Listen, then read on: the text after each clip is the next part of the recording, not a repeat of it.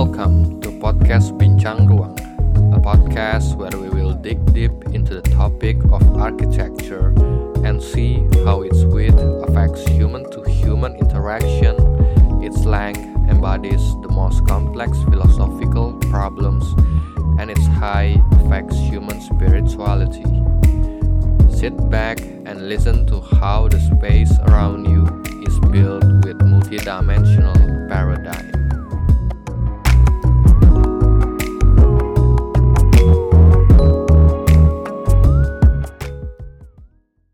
Halo, kembali lagi bersama gue di podcast Bincang Ruang. Jadi udah agak lama gue berhenti merekam podcast karena ya nggak tahu hidup mulai berat dan gue mencapai titik jenuh dan gue capek uh, ngerekam ngerekam setiap satu minggu sekali dan tidak ada yang dengar dan ya gue rasa konsis konsistensi itu susah ya. Uh,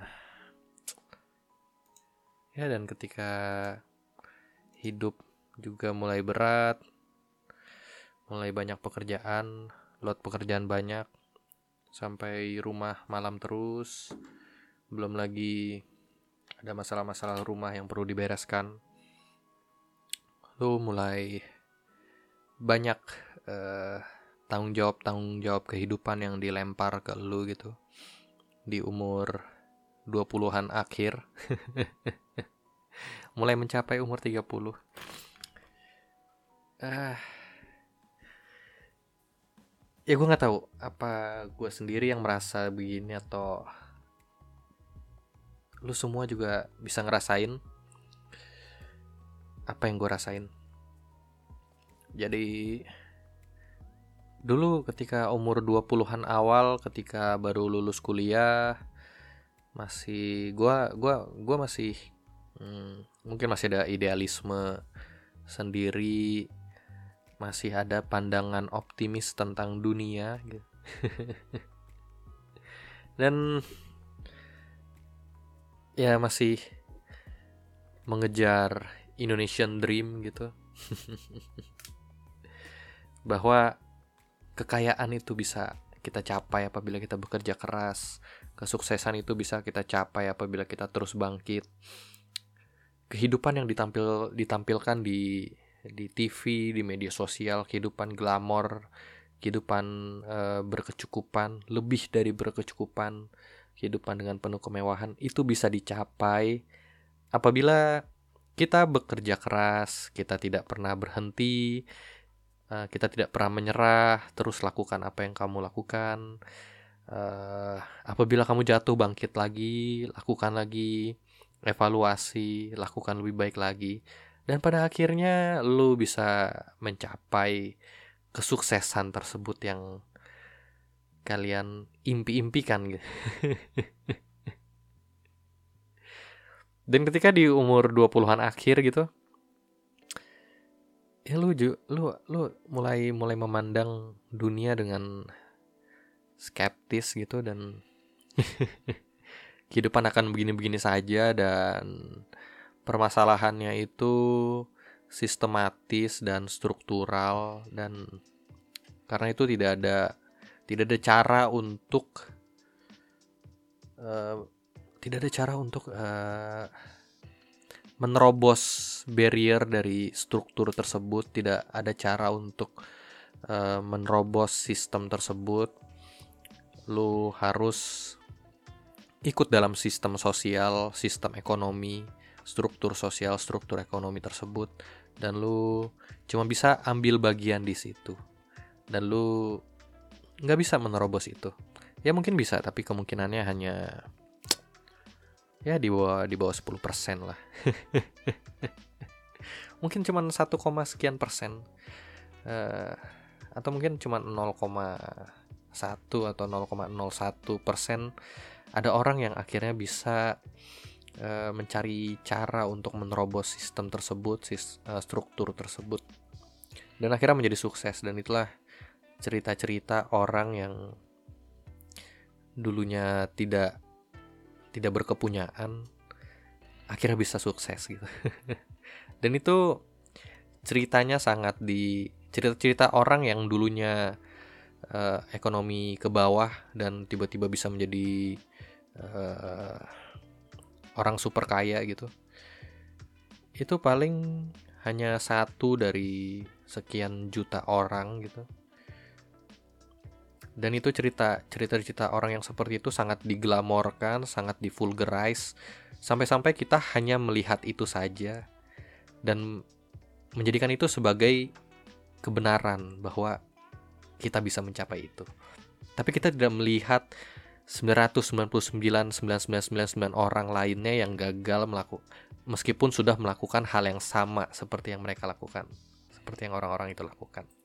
Dan kita karena cerita-cerita orang sukses tersebut sangat diglamorkan kita menjadi tidak bisa melihat cerita-cerita orang yang gagal itu. Padahal jumlahnya lebih banyak orang yang gagal. Gagal dalam artian bukan bukan terjerat hutang dan kehidupannya berakhir dan dan sengsara enggak Uh, gagal itu maksudnya gagal mencapai kesuksesan tersebut. Hidupnya mungkin ya biasa-biasa aja berkecukupan tapi ya gitu-gitu aja gitu. Tidak seperti yang diimpi-impikan ketika gua berumur 20-an awal gitu. Tidak seperti yang ditampilkan yang penuh dengan kemewahan penuh dengan kekayaan penuh dengan kelebihan gitu. Jadi terminologi yang gua maksudkan gagal itu yang seperti itu gagal mencapai kesuksesan yang didamba-dambakan ketika umur 20-an. Itu yang gue maksud. Dan ya, ya begitu. Ketika udah umur 20-an akhir ya lu mulai mencapai titik lu bisa melihat faktanya gitu. Lu bisa melihat probabilitas persentase untuk mencapai itu sangat kecil dan ya lu cuma bisa berusaha berdoa dan lu mulai berhenti untuk berharap. Mulai belajar untuk legowo dan berdamai dengan keadaan yang mungkin akan begini-begini saja sampai sampai nanti gitu. Tapi gue tetap hopeful bahwa apa yang gue mimpi-mimpikan itu mungkin tidak tercapainya di gua gitu. Tapi mungkin tercapainya itu di anak gua atau cucu gua. Satu langkah lebih maju, satu langkah lebih maju dan mungkin langkah-langkah itu tidak bisa terlalu besar sampai bisa gua wujudkan di lifespan gua gitu. Dan gua mulai menerima kenyataan itu dan ya begitulah. Jadi di umur 20-an akhir ini sudah mau mencapai 30 gue mulai bisa melihat itu. Bahwa di luar sana banyak bapak-bapak gitu di kantor atau di mana. Yang ya begitu-begitu aja. Hidupnya begitu-begitu aja. Tidak kekurangan tidak kelebihan. Jadi begitu gue menolak untuk menerima ilusi bahwa semua orang bisa sukses, semua orang bisa mencapai kemewahan tersebut. Karena kalau kita berbicara angka, which mean itu adalah fakta, sangat slim, sangat slim. Ya, misalkan aja ketika lu mau dioperasi, dan resikonya adalah lu kehilangan hidup lu kalau lu mengambil operasi tersebut. Tapi kemungkinan operasi tersebut bisa berhasil hanya 0,01%. Kira-kira lu mau ambil nggak operasi tersebut? Dan kalau lu ambil, lu bisa menjadi uh, superhuman. Superhuman, lu punya kekuatan superhuman. Tapi kemungkinan berhasil hanya 0,01% dan kalau lu gagal ya lu kehilangan nyawa lu gitu lu mau ambil nggak itu jadi gue melihat kesuksesan kesuksesan dan kemewahan kekayaan yang berlebih itu seperti itu gitu. tentu ada banyak tawaran-tawaran untuk mengambil resiko resikonya sangat besar dengan menjanjikan kesuksesan tersebut. Tapi kalau melihat fakta dan melihat angka ya itu sangat kecil probabilitasnya dan gue nggak mau ambil resiko itu dan gue nggak mau gue menolak untuk gue dioperasi. kalau kita metaforakan, gue nggak mau ambil operasi yang kemungkinan suksesnya hanya 0,01% meskipun itu operasi untuk menjadikan gue superhuman di atas manusia-manusia lain tapi kemungkinan berhasilnya hanya 0,01% dan resikonya kehidupan lu hilang kehidupan lu. Itu metafora bahwa kehidupan lu jadi hancur dan lain-lain. Gue menolak untuk mengambil itu dan gue mulai berdamai dengan ya lebih baik yang normal-normal saja. Tidak perlu terlalu tergesa-gesa, tidak perlu termakan ilusi-ilusi tersebut. Cukup menemukan kedamaian di hidup lu sendiri, di hidup gua sendiri. Dan menemukan arti kebahagiaan yang sesungguhnya gitu. Bahwa kebahagiaan itu nggak perlu lu mencapai hal-hal yang seperti itu gitu. Mungkin kebahagiaan itu cukup dengan lu bisa makan burger atau McD dengan bungkus BTS di hari ini, mungkin kebahagiaan hanya cukup seperti itu saja dan tidak perlu tidak perlu seperti yang diglamor-glamorkan di media sosial gitu. dan ketika lu tidak mengambil langkah terlalu maju dan tergesa-gesa juga resikonya juga lebih kecil dan hidup lebih sta lebih stabil gitu. Ya gue nggak tau gue mungkin udah kayak bapak-bapak nih ngomongnya yang udah bicaranya tentang kestabilan dan lain-lain. But that's life man. You gotta you you gotta move on and you gotta uh, swallow the truth, swallow the fact, and you must live with it. And you move on with your life. Ya, yeah. ya yeah, begitu, lebih. Uh, ya jadi begitu. Uh, mungkin gue juga lagi memikirkan untuk podcast ini karena satu minggu sekali dengan durasi satu jam sepertinya sangat sangat berat. Kalau gue lakukan sekali-sekali mungkin satu jam bisa, tapi kalau seminggu sekali satu jam itu sangat berat.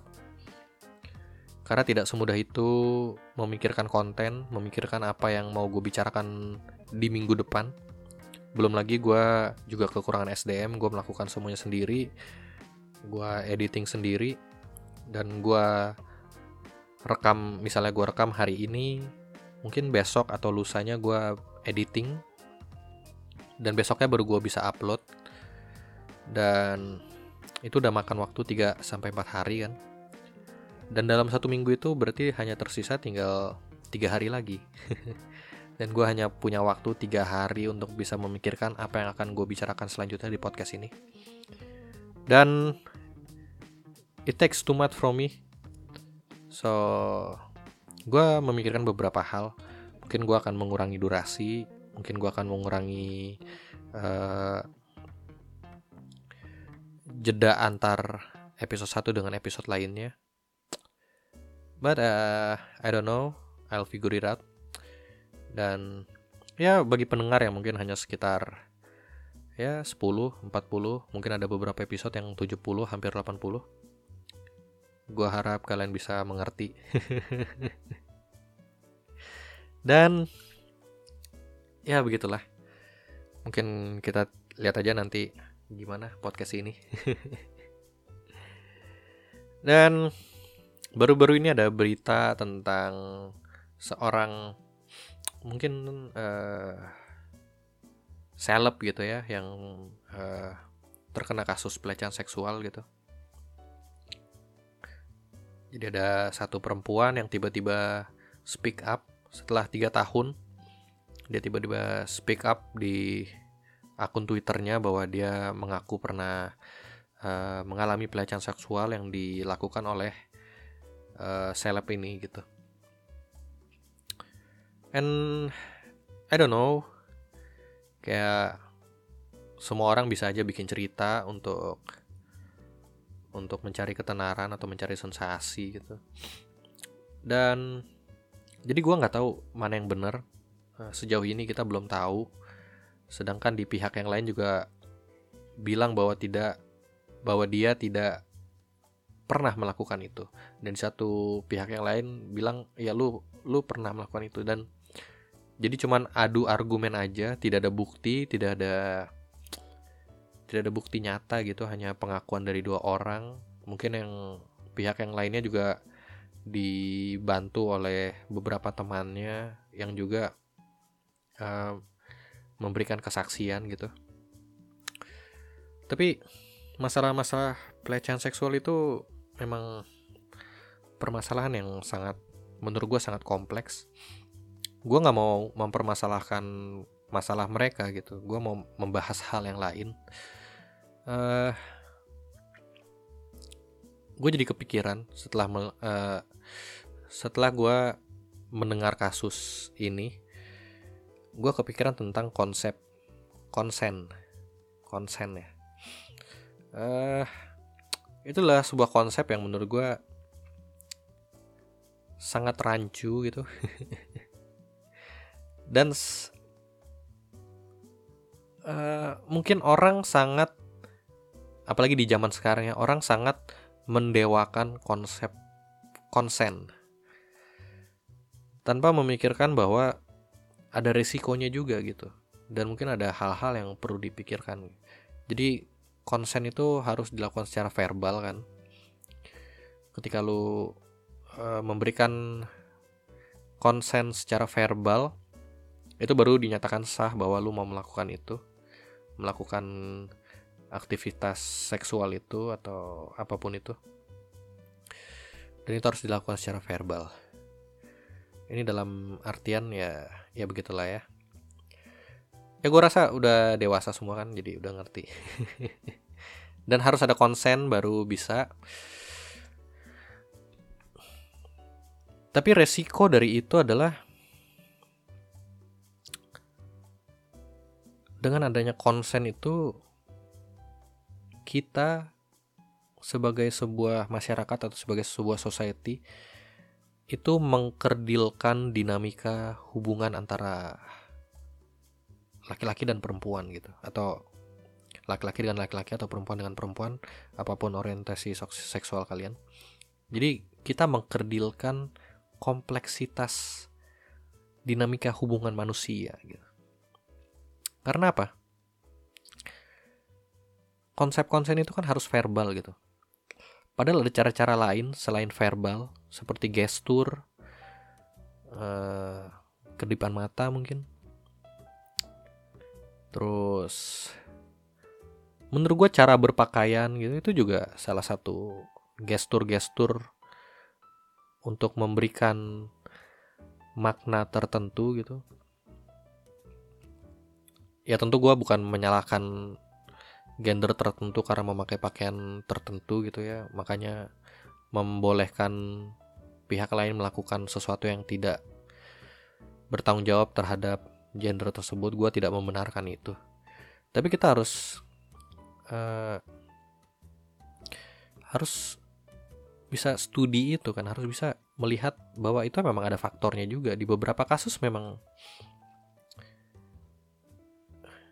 ya kita lihat aja kenyataannya bahwa ketika lu sedang mau mungkin mau pacaran atau mau date dating pertama kali dengan seseorang yang baru lu pasti memakai pakaian terbaik lu untuk memberikan makna memberikan arti atau memberikan uh, kesan yang yang mendalam kesan yang tergantung lu mau menyap, um, memberikan kesan apa gitu itu ada arti arti tersendiri gitu kan ketika lu pakai pakaian tertentu gitu. Dan juga gestur-gestur itu juga memberikan arti tersendiri yang bisa ditangkap oleh pihak yang lainnya gitu. Jadi tidak selalu jadi itu adalah sebuah konsep yang kompleks gitu kan. Tidak bisa kita kerdilkan hanya menjadi verbal saja gitu. Maksud gue adalah dinamika antara for the sake of this podcast gue hanya menyebutkan laki-laki dan perempuan aja ya. Nah jadi seperti itu. Jadi gini res resiko dari konsep konsen itu adalah itu akan merusak dinamika antara laki-laki dan perempuan yang udah bertahun-tahun kita bentuk. Lu bisa bayangin sebuah film romantis gue kasih waktu mungkin sekitar 2 detik atau tiga detik. Pikirkan film yang paling romantis yang membuat kalian bisa oh bisa gitu. Dan kalian bayangkan momen paling romantis di film tersebut. Ketika si cowok sedang bareng ceweknya gitu dan suasananya mulai romantis mulai build up gitu. Mulai ada sparks antara si cowok dan si cewek ini. Dan mereka mulai mendekat. Tangan mereka mulai bersentuhan tanpa sengaja gitu. Dan tubuh mereka mulai uh, mendekat satu sama lain. Dan mereka masing-masing bisa merasakan hembusan nafas satu sama lain gitu. Dan lagu romantis mulai diputar di background.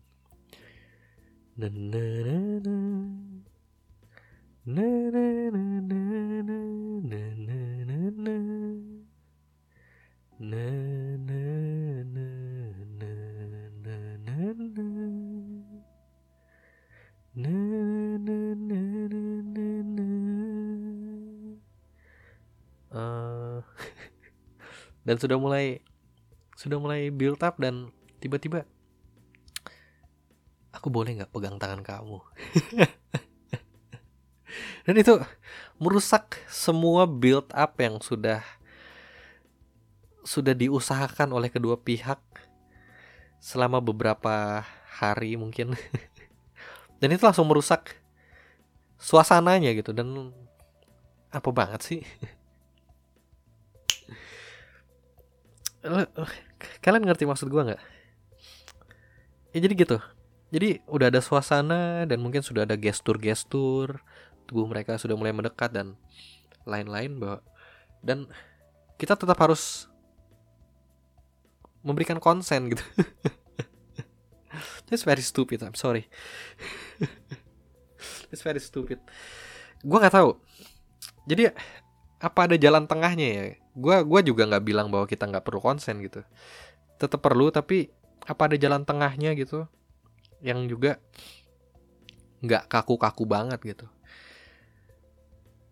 Dan gue tahu uh, kaum perempuan lebih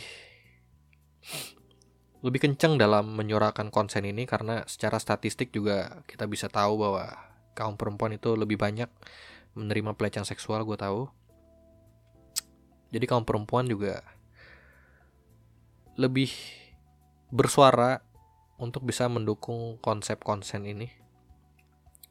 Itu itu gue tahu dan tapi dari sisi laki-laki gitu ya juga serba salah gitu. Kalau lu udah ada build up, udah ada suasananya mendukung dan tiba-tiba lu harus aku boleh nggak cium bibir kamu? apakah para perempuan juga mau seperti itu gitu? Kayak kesannya kamu kaku banget sih kamu kamu kok kaku banget sih? Nggak bisa lebih luas apa? Ini kan suasananya udah oke okay gitu. Kenapa kamu harus kayak gitu sih? Nanya-nanya merusak suasana atau aku jadi udah nggak niat lagi. Bukannya bukannya kayak gitu ya? Jadi ada dinama, dinamika dinamika hubungan antara laki-laki dan perempuan yang tidak perlu verbal gitu. Ada ada suasana ada gestur ada ya tadi yang seperti gue bilang ada cara berpakaian dan lain-lain gitu. Dan kenapa harus selalu verbal gitu? Kita kan sebagai manusia kita juga bukan makhluk yang bodoh gitu. Kita juga bisa berkomunikasi lewat gestur, kita bisa berkomunikasi lewat pakaian, kita ber, bisa berkomunikasi lewat warna yang kalian pilih di pakaian kalian. Dan itu kan kompleks. Dan ketika kita mengecilkan itu menjadi hanya konsen verbal, kita itu menjadi sebuah ejekan dari intelektualitas manusia gitu.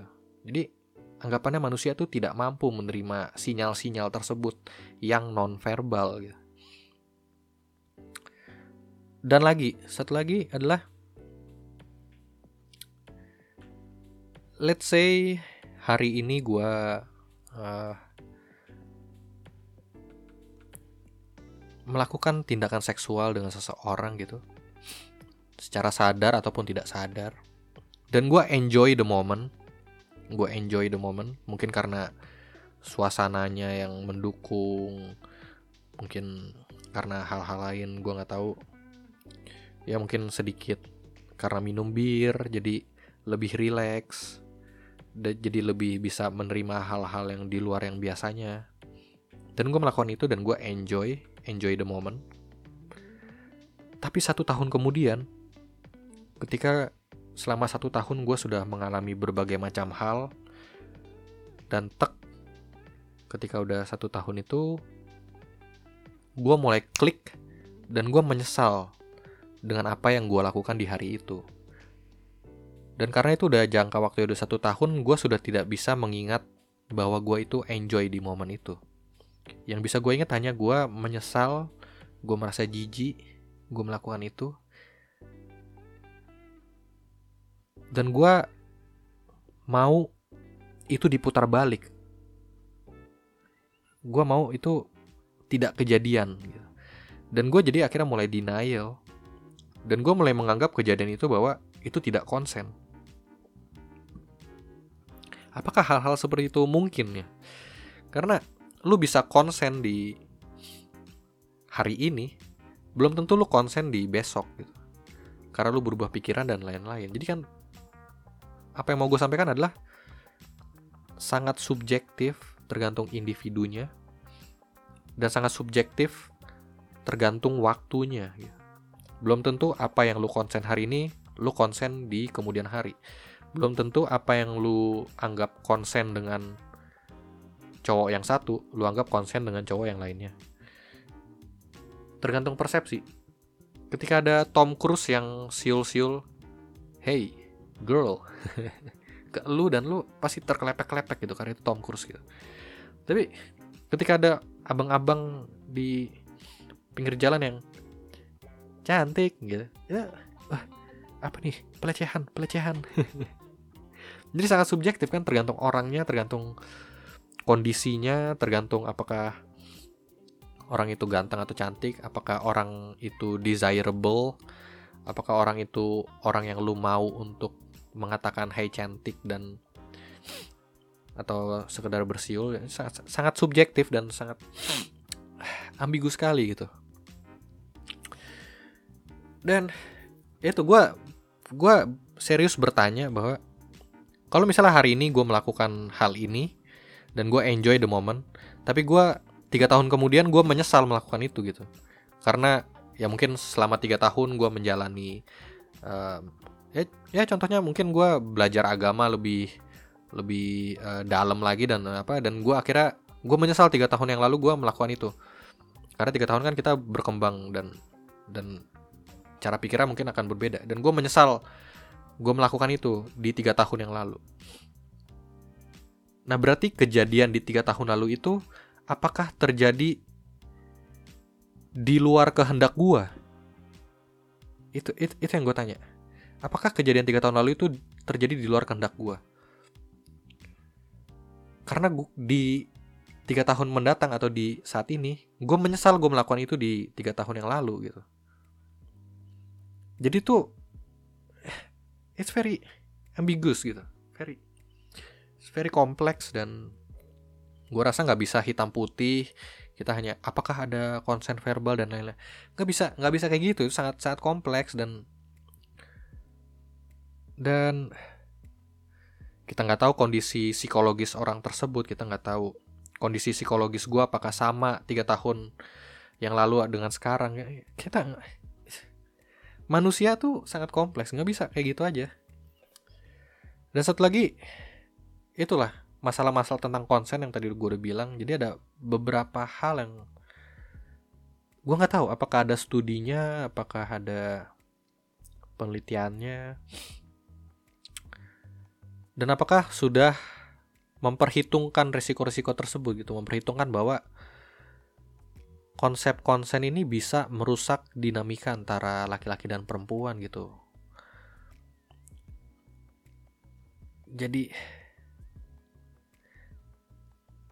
me meniadakan gestur-gestur fisik meniadakan meniadakan makna-makna yang lain gitu yang kita anggap kita tidak mampu menangkapnya gitu.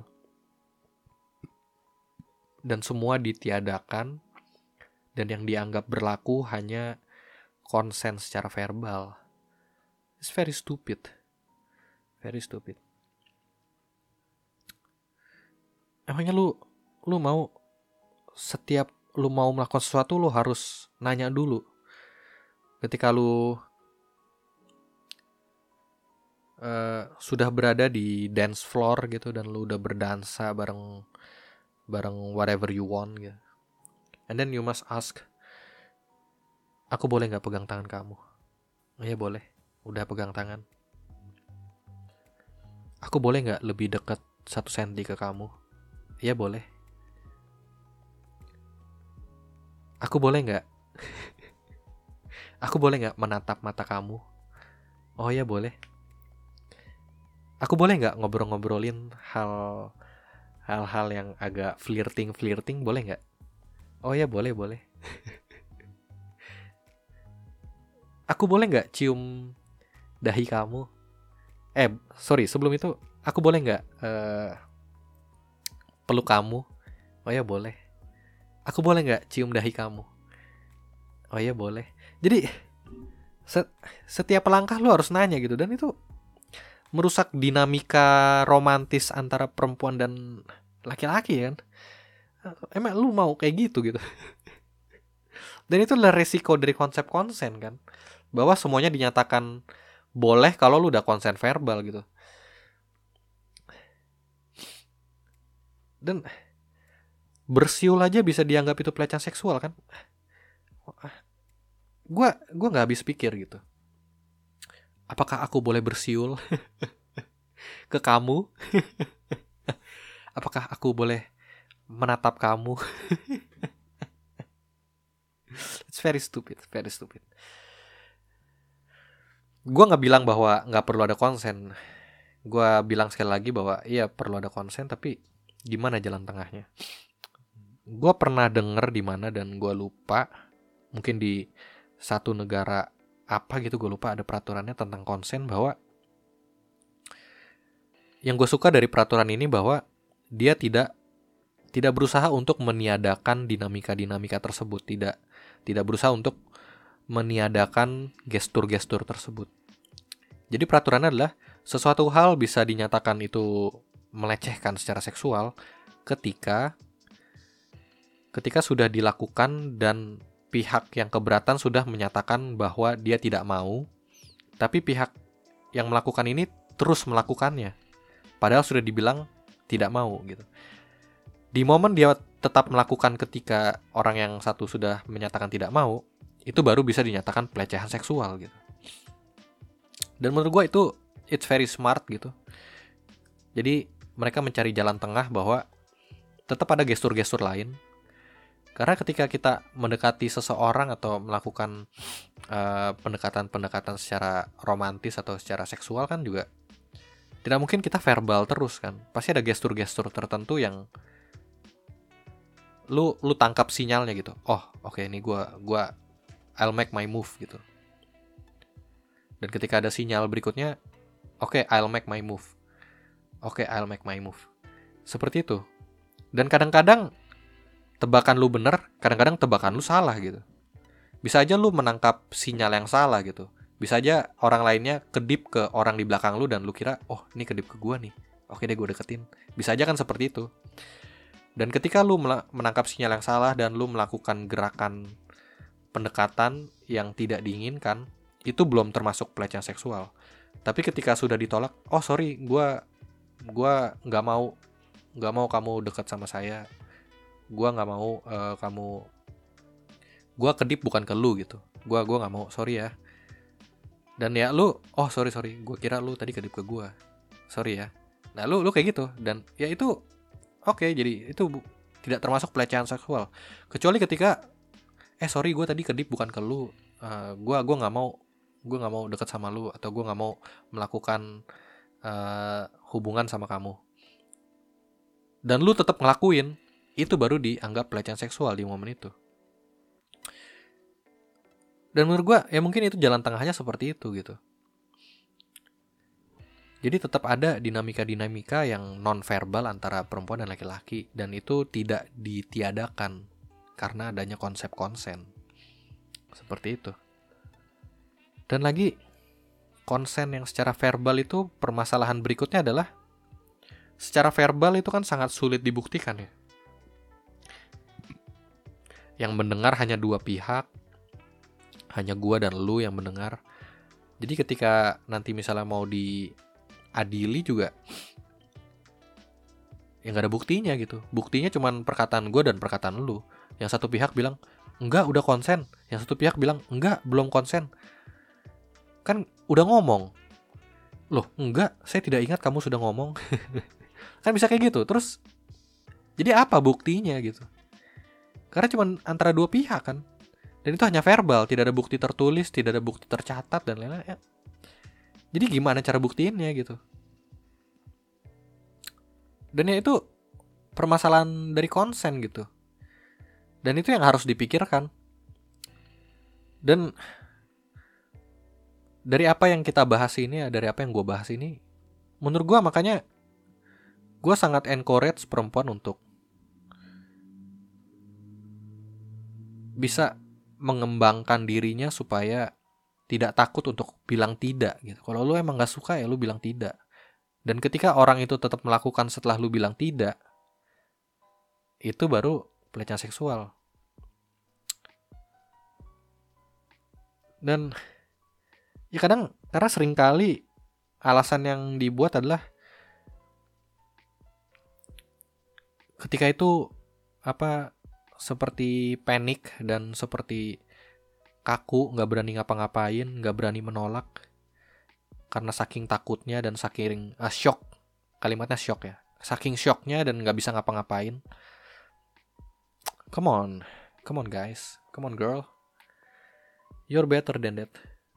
Kalian tuh gender yang kuat gitu. Perempuan itu lah gender yang kuat gitu. Lu jangan takut untuk bilang enggak gitu. Menurut gue itu sih kuncinya.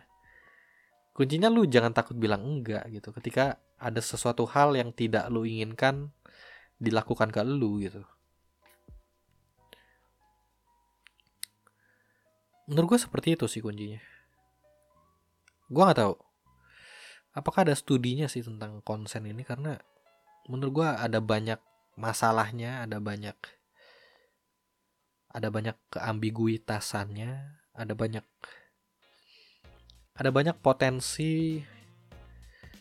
Kayak misalnya begini lu lagi di bar sendirian dan di pojok ruangan ada perempuan dan perempuan itu terus ngeliatin lu dan ketika mata kalian bertemu perempuan tersebut mengedipkan matanya ke lu dan lu ngerasa oh ini kayaknya uh, perempuan ini pengen untuk gue melakukan suatu tindakan nih. Terakhirnya lu mulai mendekati perempuan itu. Dan akhirnya lu tau lah cerita lanjutannya sampai di kasur dan lain-lain. Dan kemudian di hari esoknya perempuan tersebut menuntut lu karena pelecehan seksual karena perempuan tersebut tidak pernah memberikan konsen secara verbal. Dalam artian lu dijebak. Bisa ada kejadian seperti itu kan? Ada pihak-pihak yang memberikan sinyal-sinyal yang sengaja dan sengaja tidak memberikan konsen secara verbal dengan dengan niat memang untuk menjebak dan mempeloroti elu gitu. Bisa aja kan ada kejadian seperti itu. Dan itu kan harus harus dipikirkan gitu. Itu kan harus dipikirkan. Apakah gestur-gestur fisik sinyal-sinyal fisik itu dianggap tidak ada, dianggap dianggap tidak valid gitu. Yang dianggap valid itu hanya yang verbal. Itu kan bisa potensi orang bisa dijebak gitu. Memberikan sinyal-sinyal-sinyal ketika udah kejadian, enggak, gue nggak pernah secara verbal memberikan konsen, lu udah melakukan pelecehan seksual ke gue. Bisa aja kayak gitu. It's very fucked up, you know.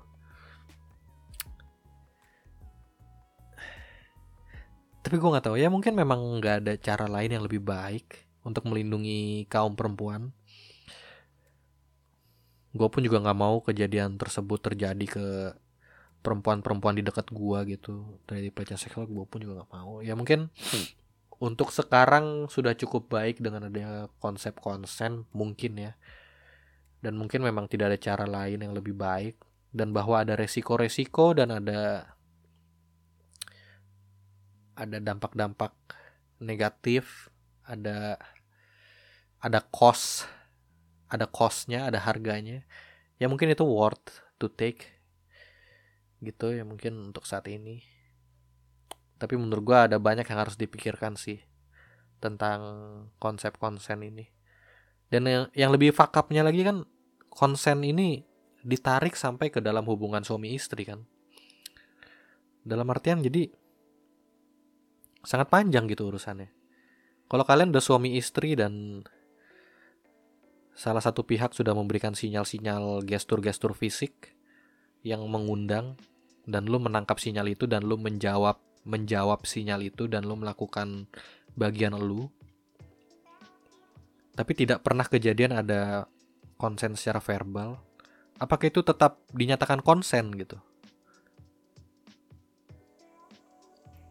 Lu ngerti kan maksud gue jadi hubungan hubungan dinamika antara perempuan dan laki-laki itu sangat kompleks tidak bisa hanya dikerdilkan hanya sebagai verbal gitu. Makanya jadi aneh gitu. Kalau sampai ditarik ke hubungan suami istri kan berarti ini adalah loophole yang never ending gitu. Loophole yang gak bakal terselesai, terselesaikan ketika sudah di dalam pernikahan pula gitu. Dan it's very very fuck up very scary if you think about it dan menurut gue pihak yang dirugikan adalah laki-laki sih dalam hal ini. Ya gue tahu harus kita harus melindungi perempuan juga. Bahwa perempuan banyak mengalami pelecehan seksual kita tahu harus kita harus lindungi itu. Dan mungkin laki-laki juga punya part di situ. Tapi kalau kebijakannya seperti ini dan tidak ada jalan tengahnya menurut gue laki-laki sangat rugi banget sih. Karena laki-laki dia expect untuk melakukan move gitu. Yang nembak siapa? Laki-laki. Yang lamar siapa? Laki-laki. Yang melakukan pendekatan siapa? Laki-laki. Perempuan itu hanya ada satu satu jokes gue lupa dari komedian mana, tapi gue dengernya ini dari podcast awal minggu yang dibawakan oleh Adrian Kalbi. Dan dia bilang bahwa perempuan itu gampang. Perempuan itu hanya tinggal uh, lay down, bersantai, and think about London. But we, men, we need to be the, we need to be England. Gue terjemahin bagi kalian yang gak bisa bahasa Inggris. Perempuan itu gampang. Perempuan itu hanya tinggal duduk diam, santai, sambil memikirkan tentang London gitu, tentang London. Tetapi laki-laki itu harus menjadi Inggris. That's very smart gitu. Bahwa memang gue nggak tahu mungkin memang sudah insting atau naturalnya seperti itu. Laki-laki memang diciptakan untuk yang mengejar, memberikan atraksi. Kalau burung merak, mereka ngembangin ngembangin uh, apa buntutnya untuk bisa diterima oleh si perempuan gitu dan perempuan yang hanya tinggal seleksi aja. Benda bendi ketiban jadi. Oh lu lu yang gue pengen. Lu nggak sorry ya. Jadi perempuan role-nya itu menyeleksi gitu. Dan laki-laki ya laki-laki role-nya adalah uh, memberikan pertunjukan agar bisa diterima oleh perempuan tersebut. Dan itu kan udah puluhan juta tahun memang seperti itu dinamika antara laki-laki dan perempuan. Jadi perempuan perempuan memang harus menyeleksi gitu. Dan laki-laki ya harus memberikan pertunjukan, menjawab sinyal, melakukan tindakan, memberikan atraksi, memberikan pertunjukan untuk bisa diterima kan oleh perempuan. Istilahnya seperti lamaran kerja gitu, lu harus bisa meyakinkan bahwa lu layak menjadi pasangan perempuan tersebut seperti itu dan perempuannya ya perusahaan tersebut perempuannya tinggal seleksi. Lu nggak cukup baik buat gua lu cukup baik buat gua dan lain-lain. Dinamikanya kan seperti itu. Dan dengan adanya konsep konsen ini menurut gua bagi laki-laki menjadi sangat menjadi sangat ambigu gitu. Kapan gua harus melakukan gerakan untuk deketin perempuan ini? Kapan gua harus uh,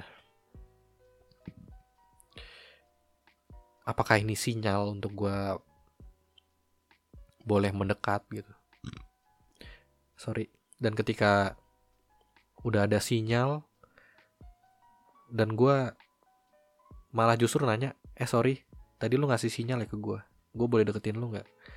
Itu kan malah turning down perempuannya gitu. Perempuannya juga jadi nggak nafsu juga jadi nggak niat juga. Ini apa sih cowok kok ini iya kan? Jadi itu merusak dinamika antara perempuan dan laki-laki gitu mengkerdilkan kompleksitas hubungan antara perempuan dan laki-laki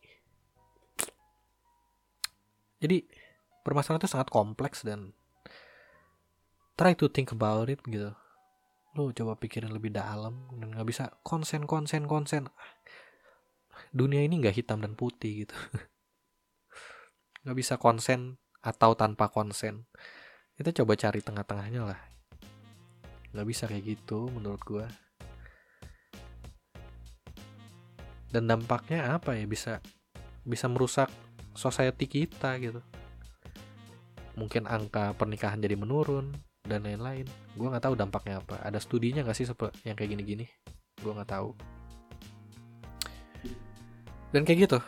Kalau lu punya mungkin lu punya argumennya mungkin lu punya referensi studi yang sudah mempelajari tentang hal ini apa yang gue bahas tadi dampak dari konsen dan gimana pengaruhnya terhadap society kita, gimana pengaruhnya terhadap dinamika hubungan antara perempuan dan laki-laki dengan adanya konsep konsen ini. Mungkin ada studinya. Kalau lu punya referensi dan apa gitu, lu mungkin bisa coba leave it in the comment section gitu. And maybe we can we can talk about it, we can discuss about it. Because this topic is very interesting and I really love to talk about it, discuss about it with people who are expert in this kind of thing. And gue nggak tahu mungkin ada gue berusaha untuk menjadi seobjektif mungkin tanpa menyudutkan gender tertentu gue berusaha untuk itu gue gue sangat berusaha untuk itu. Dan ya gue harap kalian semua bisa mengerti maksud gue dan you really think about it gitu. And that's it for this episode and mungkin kita ketemu lagi mungkin dua minggu lagi atau gimana nggak tahu gue gue udah mulai capek sebenarnya. Gue mau mulai menurunkan menurunkan uh, uh, jangka waktu antar episode dengan episode gitu. Menjadi mungkin dua minggu atau satu bulan sekali gue nggak tahu. Nanti kita lihat aja nanti. Uh, dan thank you buat kalian yang sudah mendengarkan. Uh, see you in the next episode. Goodbye